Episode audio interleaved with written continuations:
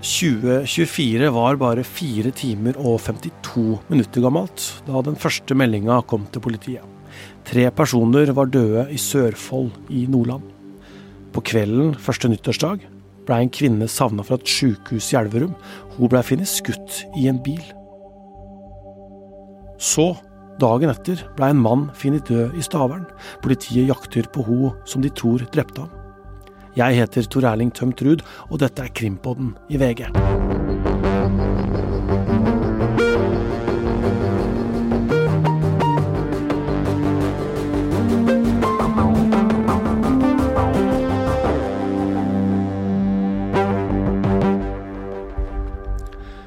Vår første episode i 2024 er alvorlig. For innafor et døgn eller to så skjedde det flere drap. Nyttårsaften var ferdig, og klokka var fem på halv fem på natta da politiet rykka ut til en privatadresse i Indre Salten i Nordland. Det var en melding om alvorlig knivstikking. En halvtime seinere kom de til boligen og tok seg inn i huset. Der fant de tre døde mennesker og én skada. Sørfold kommune, vi satt krisestab i dag klokka ti.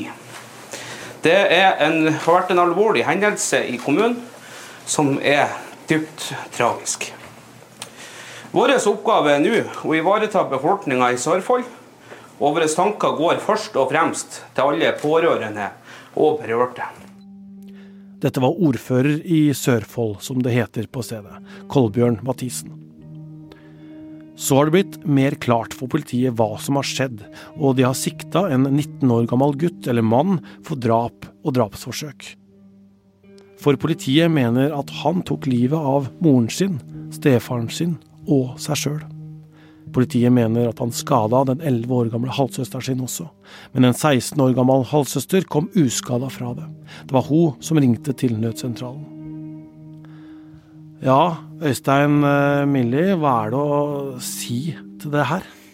Dette er jo en veldig, veldig spesiell sak. En veldig alvorlig sak, eh, og en eh, på alle vis ufattelig sak. Hva er det som har skjedd når en 19 år gammel gutt, ifølge politiet, da, har drept sin egen mor og stefaren sin, og også da tatt sitt eget liv? Og i tillegg, som du var inne på, Tor Erling, så, så ble jo den 11 år gamle halvsøsteren hans skada.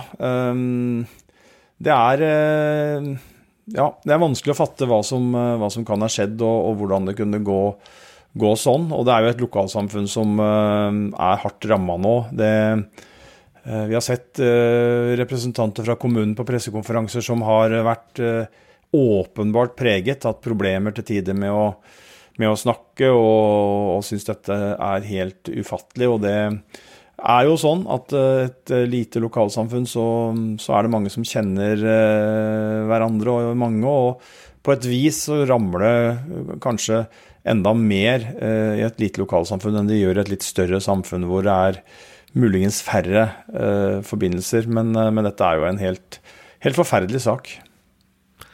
Selv om 19-åringen er død, så, så er han sikta av politiet. Hvorfor det?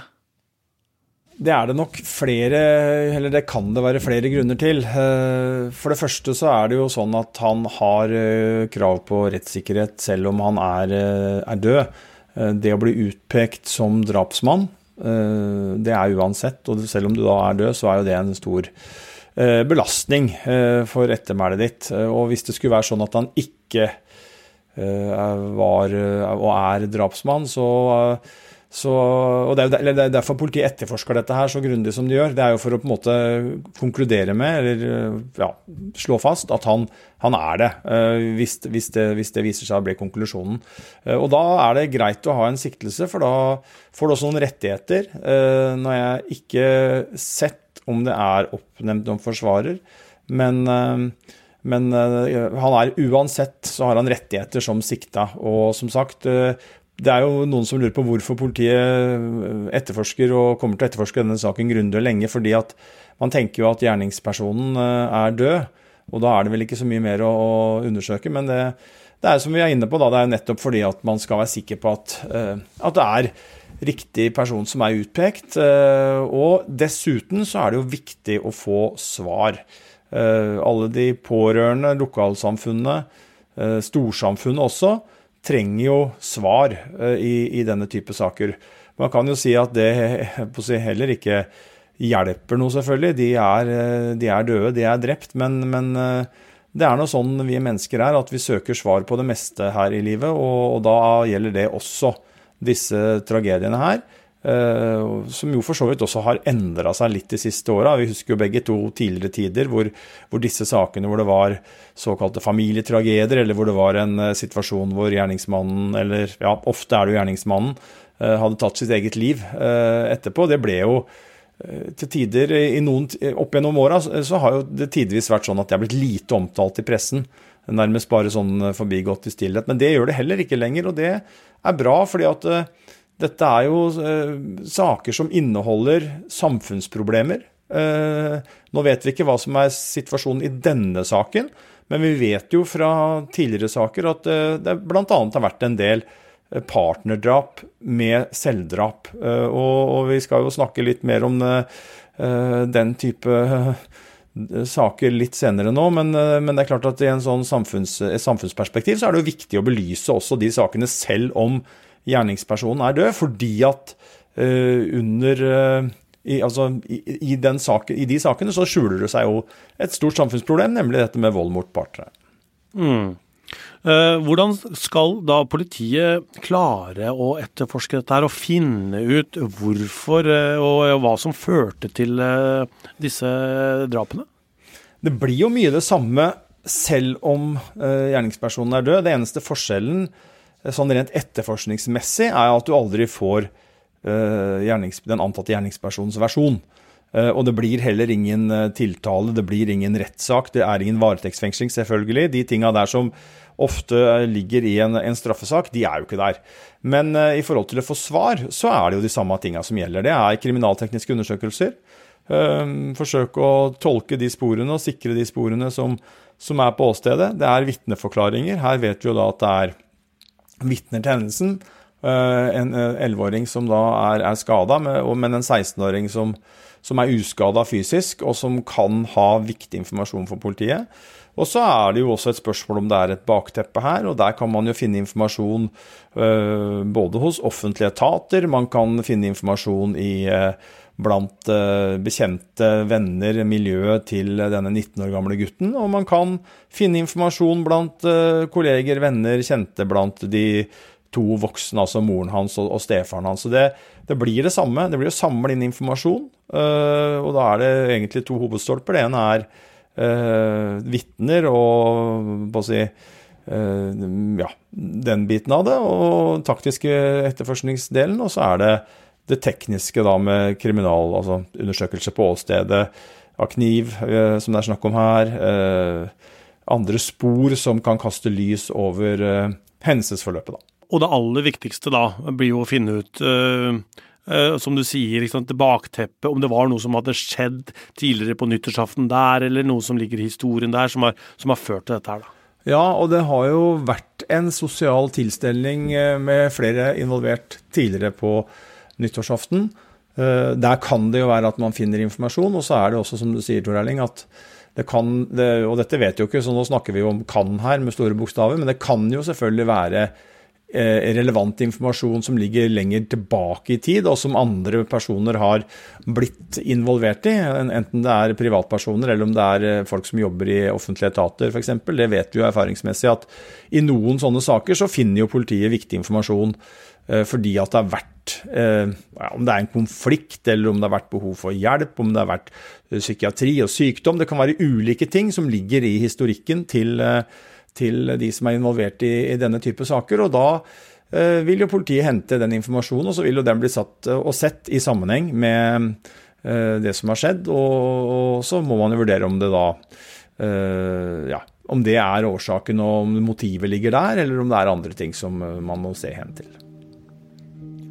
På første nyttårsdag så fikk eh, politiet i Elverum også et eh, oppdrag. Klokka 21.49 på kvelden så fikk de en melding om at en kvinne var blitt borte i forbindelse med et besøk på sykehuset. Kvinnen skulle hente noe i en bil, men eh, blei lenge borte. Derfor så blei en slektning av henne, som også var på besøk hos en person på dette sykehuset, bekymra og kontakta politiet. Noen timer seinere fant politiet en bil i nærheten av sykehuset, og der var kvinnen død. En mann var også hardt skada av skuddskader, og han døde også seinere av disse sakene. Veit vi noe mer om hva som skjedde der, Øystein? Ja, der er det jo eh, også en veldig, veldig spesiell sak. Eh, det er altså da en, en eh, ganske ung kvinne som er på et sykehusbesøk på Elverum, hvor det er en bekjent eller en slektning eller i hvert fall en person hun hun visste hvem var og var på besøk hos. Og så skal hun da, som du sier, ut i en bil og hente noe. Og her har vi jo ikke all informasjon enda. Vi vet ikke helt hvorfor hun gikk ut i bilen og hva hun skulle hente, men hun kom jo aldri inn igjen. Eh, og Så setter man da i gang et eh, stort søk eh, på bakgrunn av den informasjonen som politiet da sitter på allerede. og det, Nå vet vi jo, som vi skal snakke mer om, så vet vi jo at det er et veldig bredt bakteppe her, nemlig med besøksforbud og, og straffesaker og trusler som hun har følt på kroppen i, i lang tid i forkant av drapet. Om det var det eller andre ting, Eh, F.eks. noe de som på sykehuset opplyste politiet om, vet vi ikke. Men det vi vet, var at politiet umiddelbart eh, trykte på, på, den store knappen og satte i gang en, eh, en nødsporing av henne. De, og de så for seg at det var en frihetsberøvelse. Og det er jo ikke normalt. For det første, det er jo selvfølgelig ikke vanlig at folk forsvinner ut av et sykehus og så blir du borte, men, men man kan jo tenke seg at noen da har altså gjort andre ting som ikke handler om at du er utsatt for en kriminell handling. Det kan være um, gått i en kiosk eller gått på en bensinstasjon eller finne på et eller annet som du skal, og så blir du borte litt lenger. Her var det ikke sånn at man først så an litt om hun dukka opp eller uh, om det kunne være en naturlig forklaring. Man så med en gang faren for at her var det en, en, en uh, straffbar handling. Og Da begynte man jo med en nødsporing av telefonen hennes, blant annet. Men politiet var jo uh, Det tok jo flere timer før man fant denne bilen, og da var det for sent. Da var kvinnen satt eh, skutt i og drept i den bilen. Og så var det jo som du sier, at uh, mannen som politiet mener er gjerningspersonen, han satt alvorlig skadd. Han ble jo da stabilisert og fløyet hu hast politi, med politihelikopter til Ullevål sykehus. Politihelikopteret deltok i søk etter kvinnen, og derfor så brukte man det transportmiddelet. Men han hadde da skader som var så store at han døde på, på sykehus. Og så har det jo da kommet fram at eh, denne mannen har hatt eh, besøksforbud mot eh, denne kvinnen. Et forbud som han brøyt flere ganger, bl.a. ved at han festa en GPS-sporing på bilen hennes. Det har vi jo lest i, i kjennelser mot ham. Så her har jo hun følt seg trua før, da. Ja, det har hun. Og det har vært anmeldelser fra april i fjor og fram til desember, altså like før drapet skjedde. Og, og, familien har jo eh, via bistandsadvokat sagt at de, de reagerer kraftig på, på, at eh, dette kunne skje. Ehm, de har vært, det har vært anmeldelse på anmeldelse, eh, men vært, familien er ikke fornøyd med den oppfølgingen de har fått fra politiet.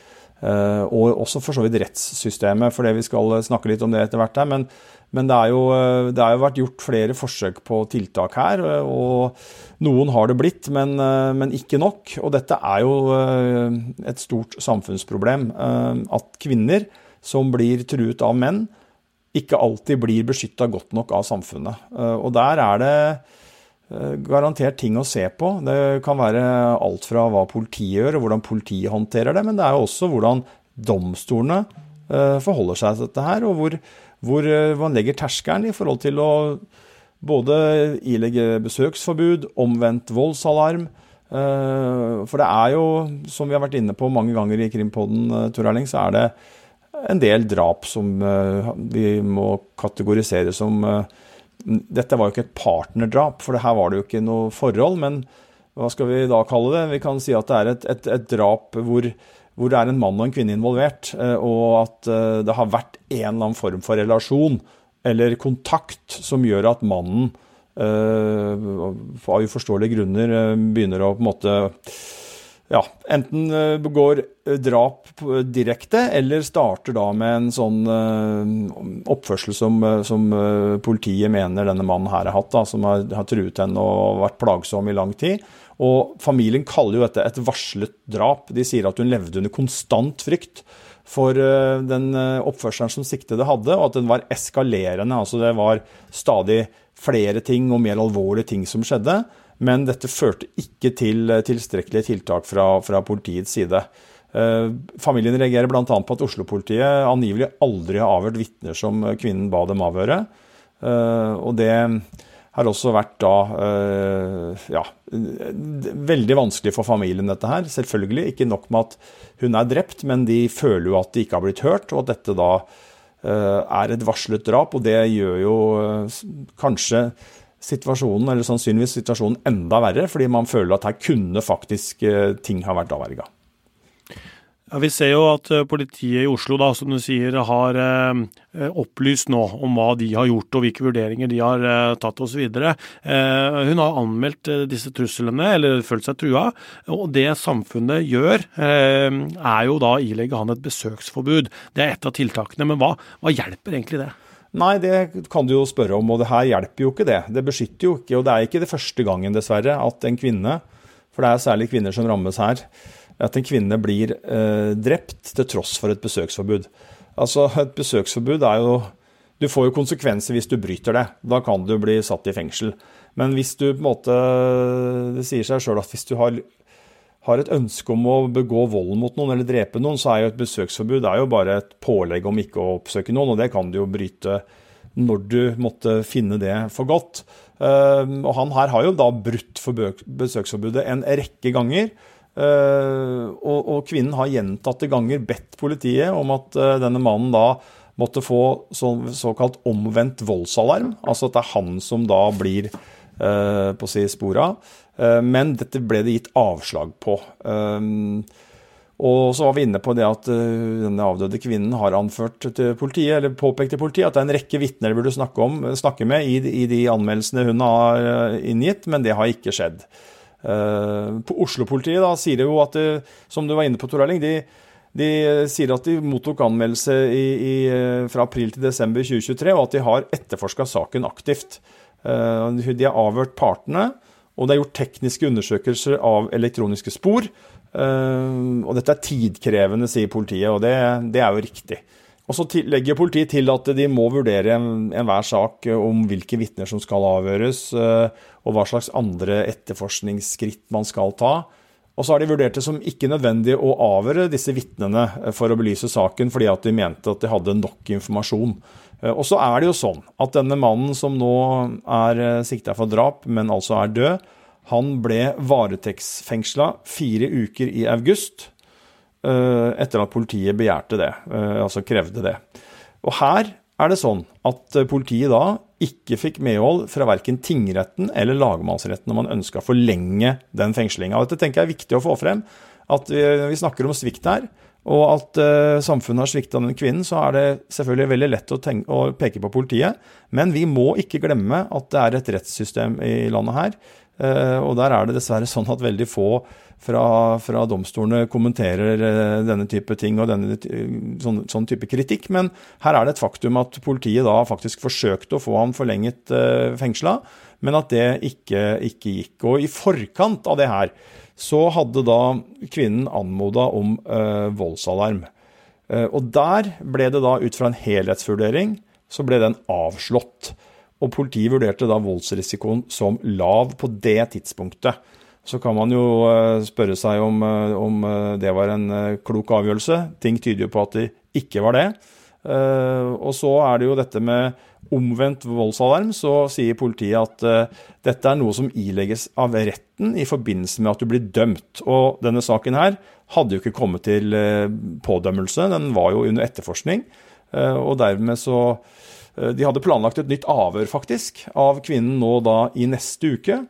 Eh, og at det var eh, da at man nærma seg, seg kanskje en, en, en konklusjon, da. Men, men, her er det mange som du hører, mange ting her. ikke sant? Det er rettssystem, det er eh, hvilket stadie på saken du kan få omvendt voldsalarm, det er om det er grunnlag for å gi, gi henne voldsalarm.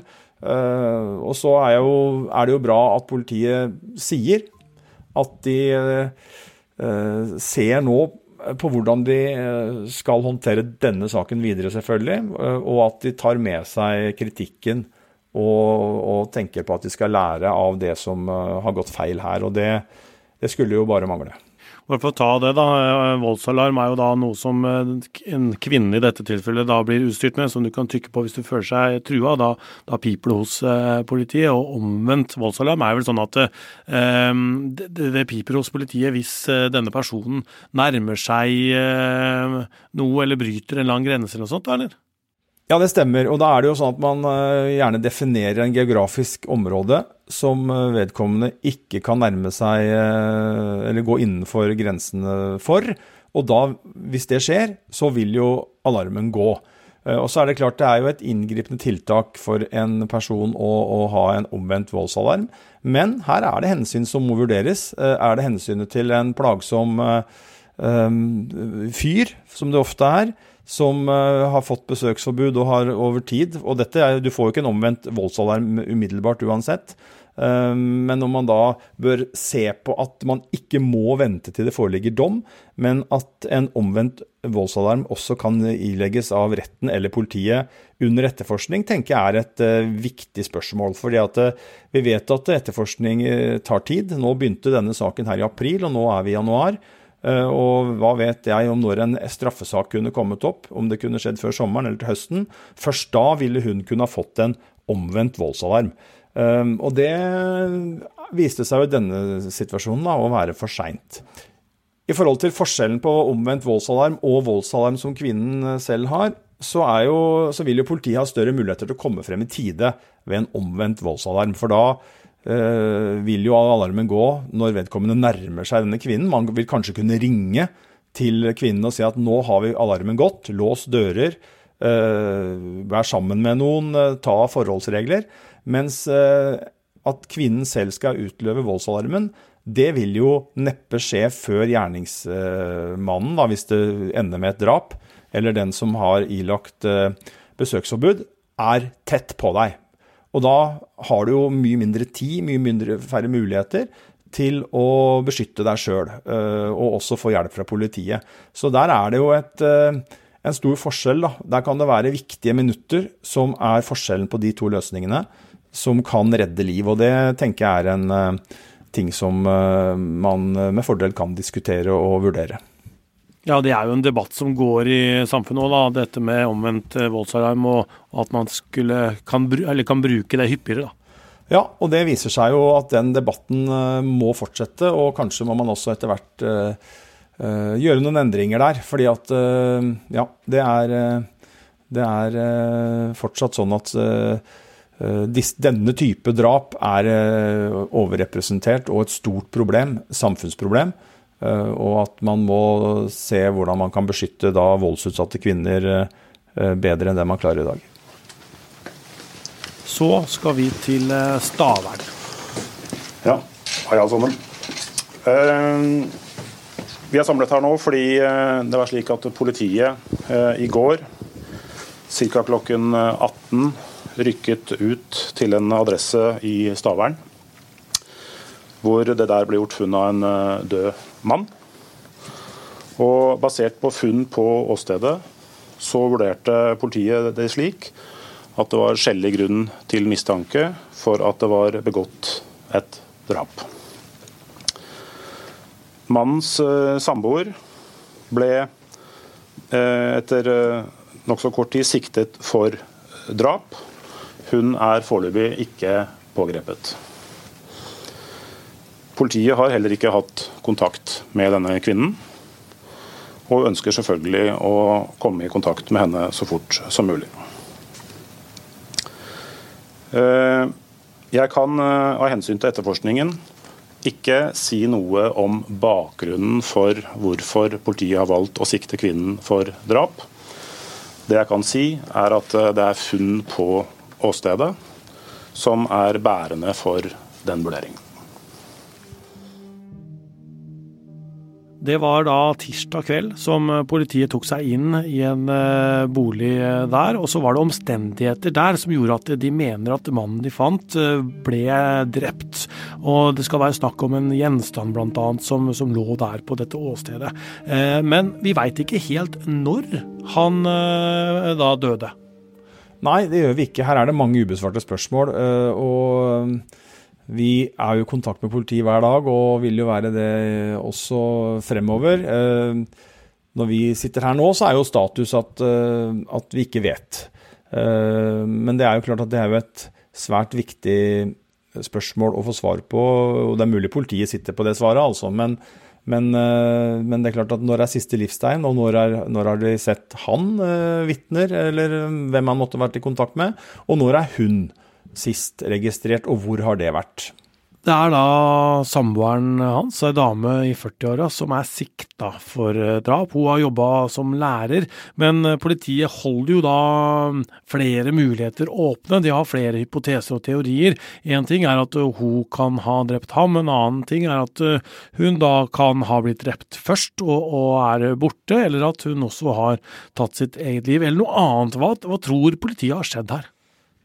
Det er vanskelig å si. Politiet jobber jo med flere hypoteser, og hun er jo etterlyst både nasjonalt og internasjonalt, men da i de interne systemene. Og så har politiet foreløpig ikke etterlyst henne med navn og bilde.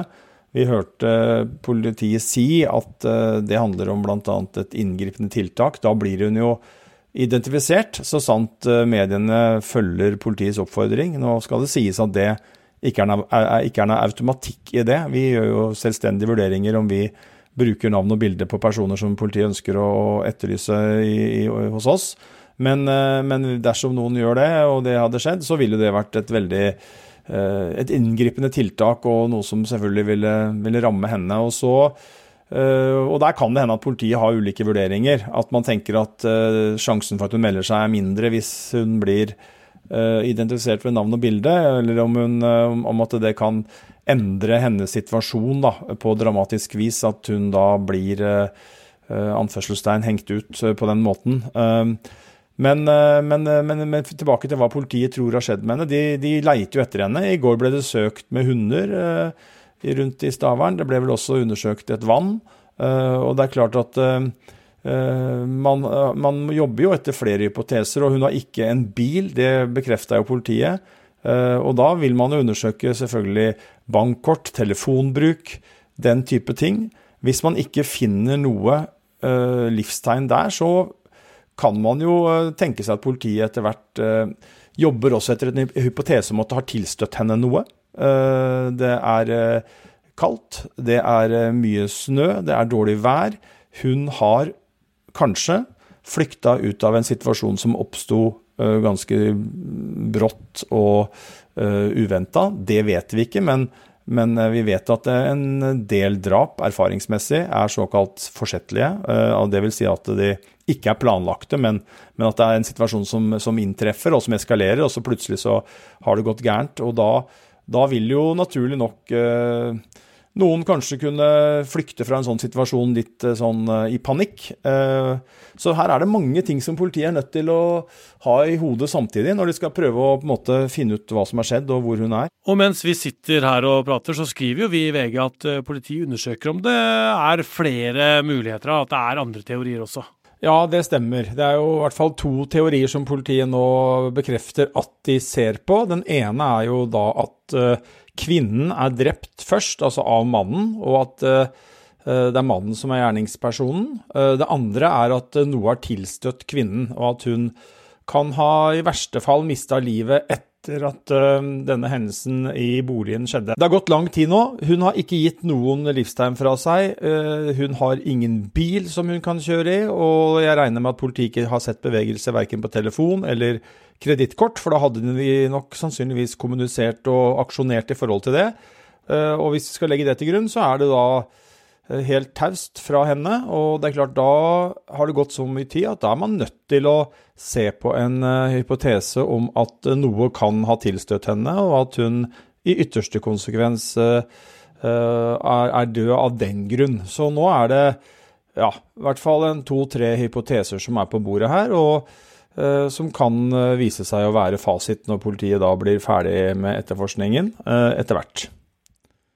Og Da har vi jo da tre hendelser helt til starten av året. Det er fire drepte til sammen. og hvis vi da Spørs jo litt hva som skjer, da, men da kan vi sitte igjen med at to eller tre gjerningspersoner her har tatt sitt eget liv etterpå. Ja, det stemmer. Vi kan sitte igjen med en situasjon hvor alle, i alle de tre sakene så har gjerningspersonen uh, tatt livet sitt. Uh, og det vil jo være veldig, veldig spesielt uh, på alle vis. Det har vært en helt, Vi har jo snakka om det, og det er jo en helt ekstraordinær situasjon som har oppstått på nyåret her. Men, men vi får nå avvente og se. Nå jobbes det jo i Stavern for fullt, og, og det søkes og det letes og det graves. Men har, man har jo så vidt vi vet foreløpig ingen spor etter kvinnen. Eh, og Derfor så er det også vanskelig å si hva som har skjedd. og Vi har også uh, eh, snakka med politiet som sier at, uh, og det har vi jo også vært innom før, dette med å tolke åsteder, tolke spor, at det er et krevende åsted å tolke. Og det kan være det. fordi at uh, dersom det er oppstått en situasjon inni et hus med, med en ja, det kan være noe som har pågått over flere minutter, hvor eh, folk har flytta seg rundt. Det har vært flere tildragelser, kan det ha vært.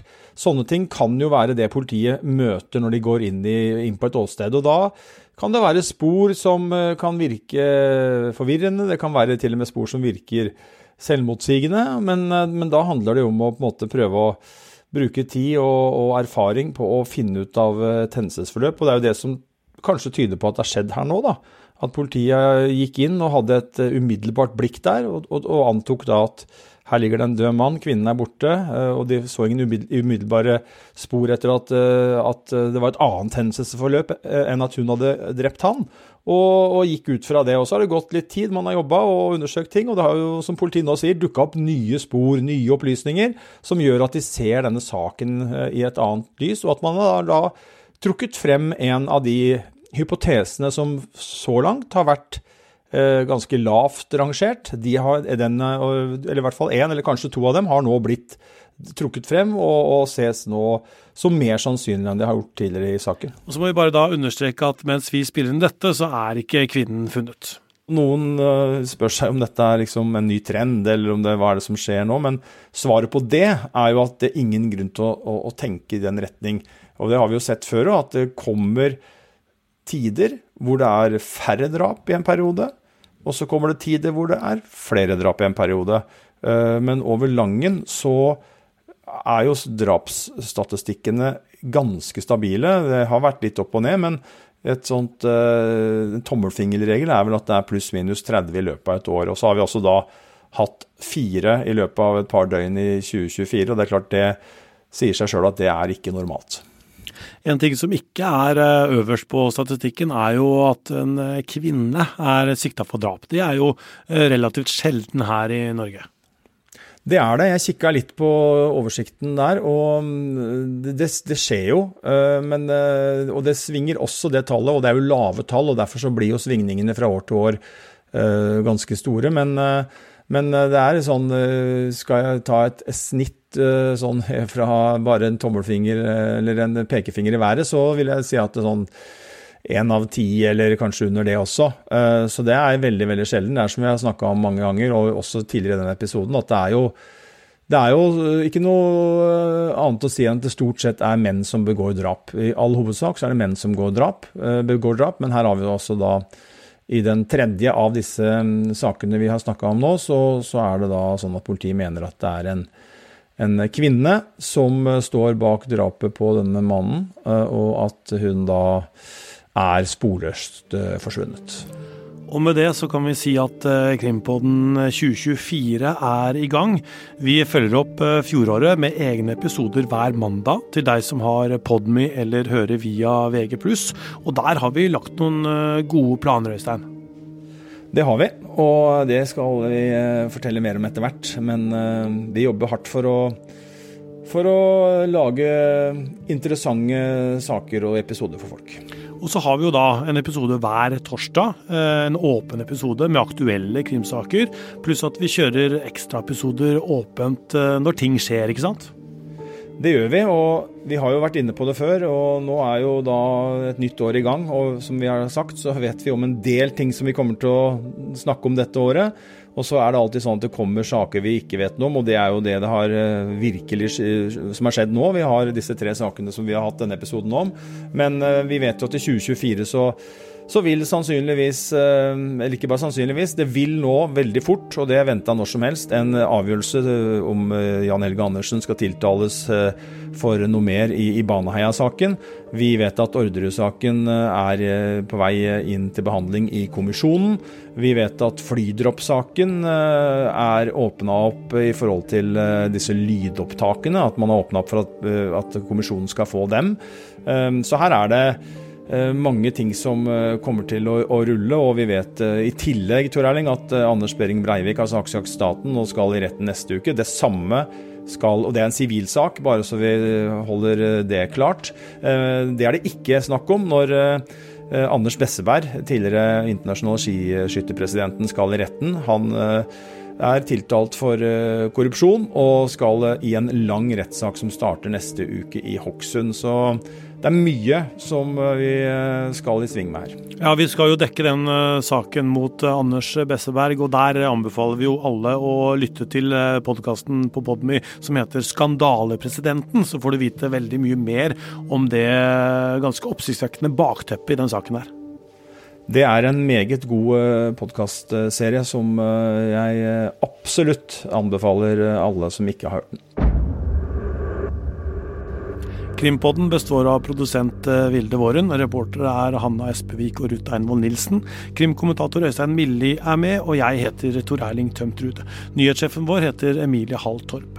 Du finner oss på Facebook og Instagram, og du kan sende oss mail på krimpodden at vg.no.